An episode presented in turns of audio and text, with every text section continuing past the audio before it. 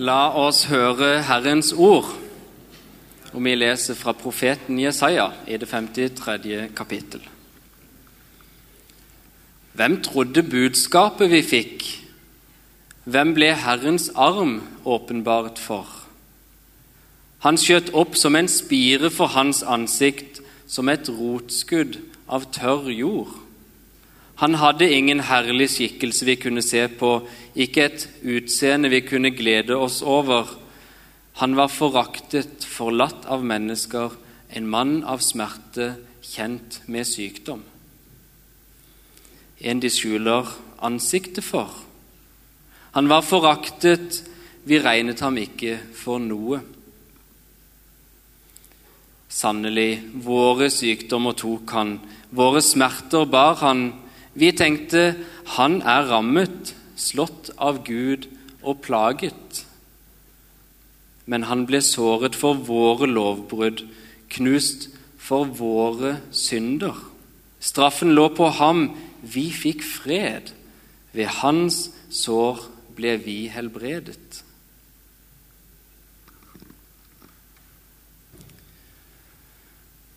Vi leser videre fra evangeliet etter Johannes i det tolvte kapittel. Det var noen grekere blant dem som var kommet for å tilbe under høytiden. De gikk til Philip, som var fra Betsaida i Galilea, og sa, 'Herre, vi vil gjerne se Jesus.' Philip gikk og fortalte det til Andreas, og sammen gikk de og sa det til Jesus. Jesus svarte, Timen er kommet da menneskesønnen skal bli herliggjort. Sannelig, sannelig, jeg sier dere, hvis ikke hvetekornet faller i jorden og dør, blir det bare det ene kornet. Men hvis det dør, bærer det rik frukt. Den som elsker sitt liv, skal miste det, men den som hater sitt liv i denne verden, skal berge det og få evig liv. Den som vil tjene meg, må følge meg, og der jeg er, skal også min tjener være. Den som tjener meg, skal min far gi ære. Min sjel er fylt av angst. Men skal jeg så si, Far, frels meg fra denne timen? Nei, til denne timen skulle jeg komme. Far, la ditt navn bli herliggjort. Da lød en røst fra himmelen. Jeg har herliggjort deg det, og skal herliggjøre det igjen. Mengden som sto omkring og hørte dette, sa at det hadde tordnet. Andre sa det var en engel som talte til ham. Da sa Jesus, denne røsten lød ikke for min skyld, men for deres. Nå felles dommen over denne verden. Nå skal denne verdens fyrste kastes ut. Og når jeg blir løftet opp fra jorden, skal jeg dra alle til meg. Dette sa han for å gi til kjenne hva slags død han skulle lide. Slik lyder Herrens ord.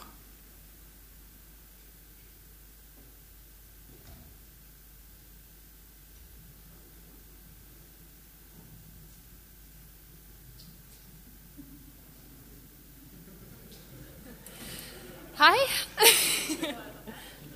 Det er Ja, du kan ta det der. Det er fint, det. Det vil ommøblere litt, jeg nå.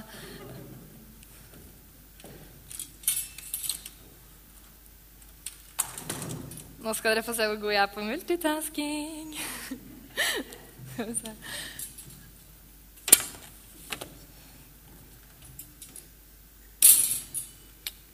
Yes, yes, yes.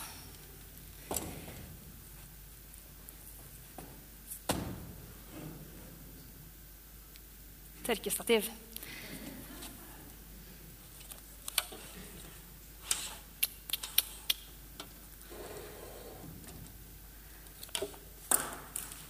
Ja, det er fint.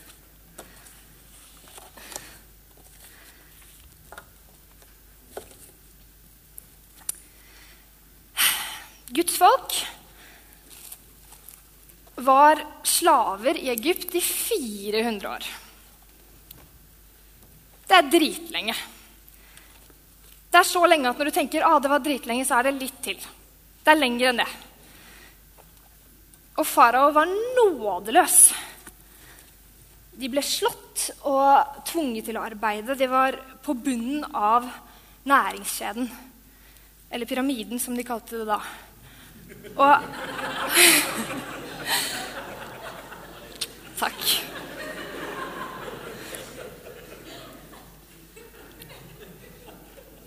Og de led. De led hver dag. Og jeg tenker det kom en dag hvor de tenkte nå er det nok. Så kom det likevel en dag etterpå det. Og en dag etterpå det, og en dag etterpå det, og jommen en dag etterpå det igjen òg. De fikk ingen pause. Og de led under en nådeløs hersker dag ut og dag inn. Og så kommer det en dag hvor farao går en liten tur, ser seg rundt og tenker De har blitt for mange. Hva skal vi gjøre med det? Jo, nå skal alle nyfødte guttebarn drepes. Det er så brutalt at jeg kjenner at nesten, jeg blir så sint. Jeg blir skikkelig sint. Og de lider og lider og lider litt til. Og så putter en mor barnet sitt tillitsfullt i en kurv og legger det i elva. Det barnet er Moses. Og han blir heldigvis funnet og vokser opp ganske privilegert. Han vokser ikke opp med folket sitt, men med et annet folk. Og han vokser opp. En dag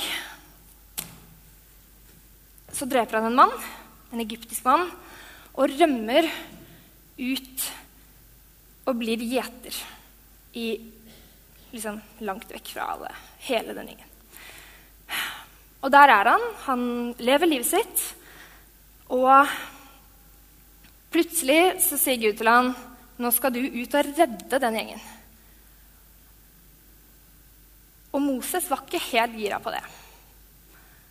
Det hadde ikke jeg vært heller. Det må jeg helt ærlig si. Ikke helt gira. Og Gud sa, 'Det her fikser vi sammen'. Eller jeg vet ikke helt, Han var jo en busk, men han sa Han sa liksom 'Dette skal vi gjøre sammen'. Og Moses Takk. Og Moses han går ut. Han tar med seg stokken som han har fått av Gud, og sier til farao nå er det nok. Slipp folket mitt fri. Og farao sier nei. Og da blir det trøbbel. Da blir det så sykt mye trøbbel. Det blir liksom gresshopper og byller og lidelse og lidelse og lidelse. Og blod i hele vannet og hei hvor det går og hytter meg til. Og til slutt så går det så langt at Moses sier at nå må du la folket mitt gå fri. Farao sier nei, og de egyptiske guttebarna, førstefødte, de dør. Jeg tipper farao satt der og var sånn Fytti katta, så mye liv der enn staven. Men vi vet at det var ikke staven. Og um, han lar dem gå, og de tenker endelig. 400 år, nå er vi fri. De orker ikke engang vente på at det her brødet skal heve. De piler ut. Bestefedre, bestemødre, eh, gamle og unge, eh, gifte, single Alle sammen. Nå stikker vi. Nå finner vi vinduet vårt, og så piler vi ut derfra. Og de er så gira! De er så sykt gira. Vi er fri. Fri fra lidelse og skam og fornedrelse og død, egentlig. Og de sikter hodet mot mer liv.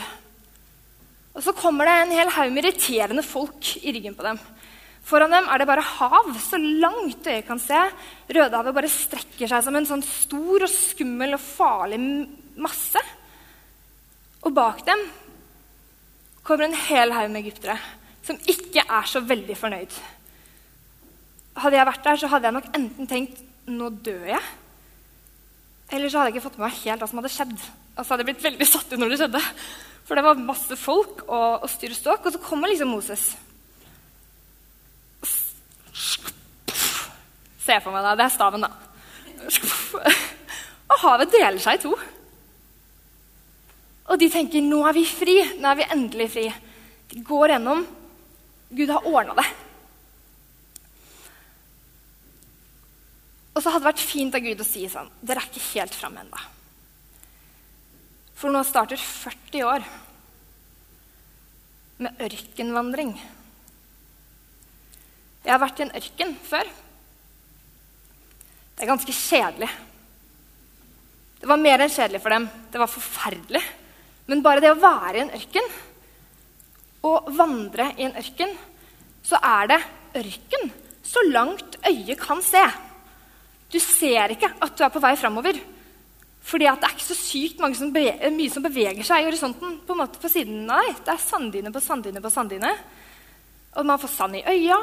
Eh, og de var sultne. Og Gud ga dem masse prøvelser. Masse prøvelser. Og de led. De led lenge. Og de hadde fått lovet et land som fløt over av melk og honning, og det ble 40 år med vandring i ørkenen. Dette folket, Guds folk, er det folket som det snakkes til i Jesaja 53 skal bare bruke det her som sånn her bord. jeg hadde på den her. Ja, Dette folket er det folket som det snakkes til i Isaiah 53. Et folk som har blitt utnytta, og som har blitt slått og piska og tvunget til å være på fremmede steder med fremmede folk. Båndslam. Bunnen av pyramiden. Og i Isaiah så står det at det skal komme noen som har kjent på lidelse, som skal frelse dem. Og Når man hører hele historien til dette folket, så kan jeg så sykt godt forstå at de tenkte nå bør det komme noen på kanskje en hest med liksom 1000 andre hester og masse soldater og kanskje noen koner, og liksom være en sånn svær kar som skulle redde dem fra alle prøvelsene og lidelsene. Men det de trengte, og det vi trenger, er en Gud som kjenner seg igjen i våre lidelser. Som gikk det steget der oppe fra og ned hit. Og når han gjør det, så tar han vår lidelse på alvor. Det er godt å bli trøsta av noen som vet hvordan du har det. Jesus han eh, han har vært fem, og han har syntes det har vært litt vanskelig å bli kjent med folk og måtte navigere det. Han har vært 14 år og vært med på det eventyret det kan være å være 14 år. Han har vært 20, han har vært 30 osv. Uh, uh, ikke osv. Uh, ikke osv. Han har vært 30 år. Punktum. Um, og Tekstene våre i dag handler jo egentlig om hvorfor han ikke ble 40 og 50, og hvorfor jeg ikke kan si osv. osv. For Jesus han døde for oss. Han kom til jorda for å dø for oss. Det er så massivt. Og vi snakker om det søndag etter søndag. Og vi må minne oss selv på hvor massivt det er. Mer av bakteppet til Jesaja 53 er eksilet i Babylon. Det er liksom litt av den, den tiden her ble skrevet. Guds folk var på tvang i et fremmed land. Dagens Iran, om ikke det er helt feil. Og de, de, savnet hjemme. De savnet det så sykt, og tempelet ble et sånt symbol på lengsel og det å komme hjem. Den eneste sammenligningen jeg har fra mitt liv, er når jeg har vært i Hellas i to uker, og en brødskive med makrell i tomat aldri har kjentes så godt ut. Jeg tror egentlig det er litt samme greia eh, i en mindre skala selvfølgelig, som eh, sjømannskirken har med vaflene sine. Det er en sånn lengsel etter det som er kjent og skjært. Og igjen så vil de ha en sånn svær, mektig hersker som skal komme inn på hesten sin, ta alle, alle sammen under hver sin arm og redde dem.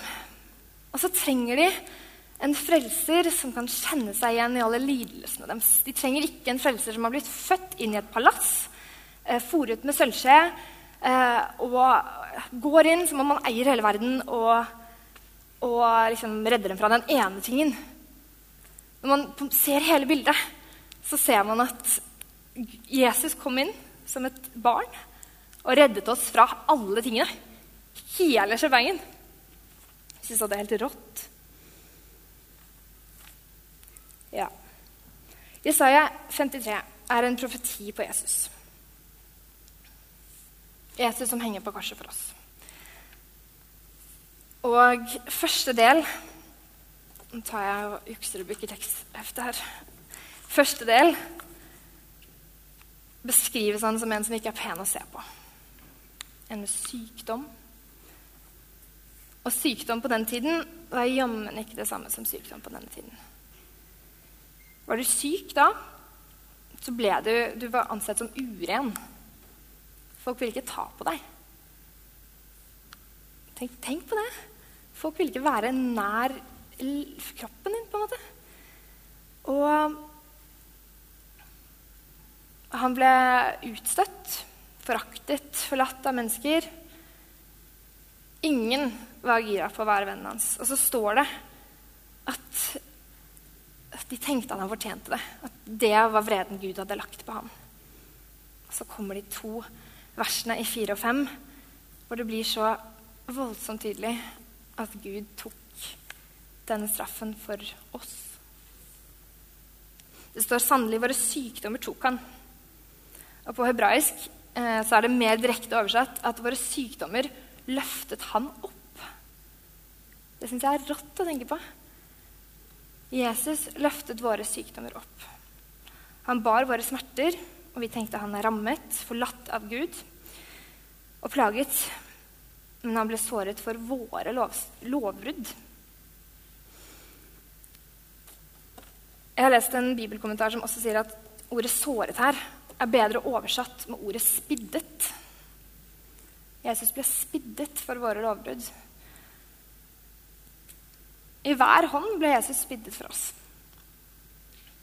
Og så kan man tenke Straffen lå ved han, og ved han så ble vi helbredet. sant?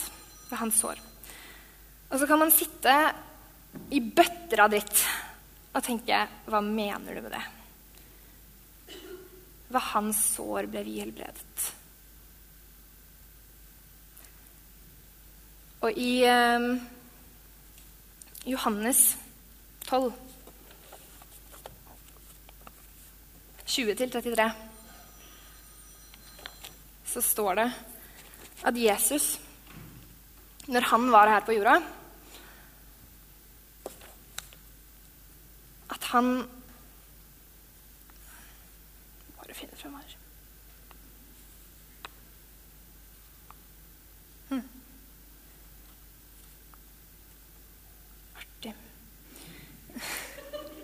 Det er litt sånn rart Når man står foran masse mennesker, så blir man plutselig litt blind. Um, riktig. At han var fylt av angst. Takk. At han ble fylt av angst, og at han ikke hadde lyst. Jesus står i en situasjon hvor han kjenner på hvordan det er å være menneske, og han har ikke lyst, og han er fylt av angst. Og det er så godt å få trøst av noen som har hatt som har kjent på det vi har kjent på. Som også har vært fylt av en sånn angst og har lyst til å slippe. Og så må man ha Guds perspektiv. sant? Det kommer en dag, den siste dag, hvor vi skal få slippe å kjenne på den lidelsen og smerten pga. det offeret som Jesus gjorde for oss på korset. Så når jeg står i bøtter og dritt, så har Jesus så mye forståelse for det. Han har bedt den samme bønnen. Han kan ha bedt den bønnen når han var fem og syntes det var vanskelig å få venner. Og han kan ha bedt den bønnen når han var 14 og hormonell. Han kunne bedt den bønnen når han var 20 og syntes at man fikk plutselig veldig mye ansvar her i verden. I vers 32 så sier eh, Jesus i Johannes 12 Og når jeg blir løftet opp fra jorden, skal jeg dra alle til meg. Jeg synes Det er en helt fantastisk kobling mellom de to tekstene våre. For På samme måte som han løfter opp våre sykdommer, så blir han selv løftet opp fra jorden og tar alle oss med seg.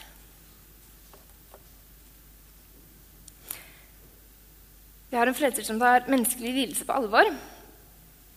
Og, og det er snakk om alle typer lidelse. Dette her skal jeg vise fram så alle ser. Dette er antrekket som jeg tenkte jeg skulle ha på meg i dag. Og den planen gikk i vasken, for å si det sånn.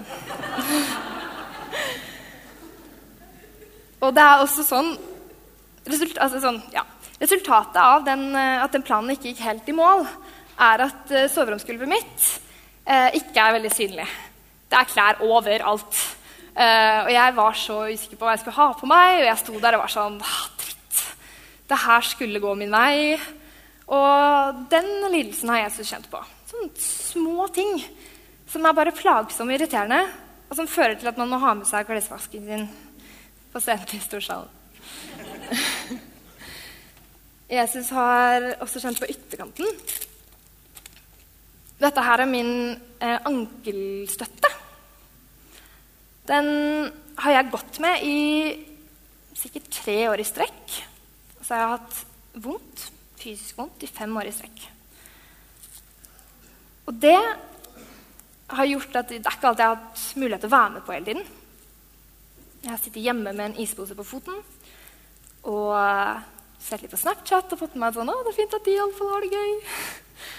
Og um, det har vært skikkelig, skikkelig dritt. Og Jesus møter meg der. Han har kjent på fysisk lidelse. Han har kjent hvordan det er å føle seg ekskludert.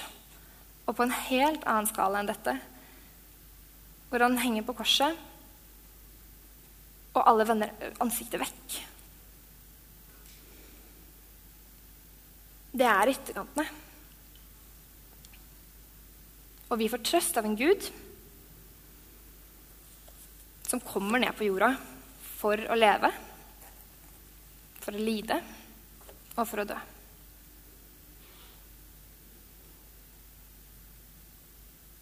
Og den trøsten er innimellom uvurderlig.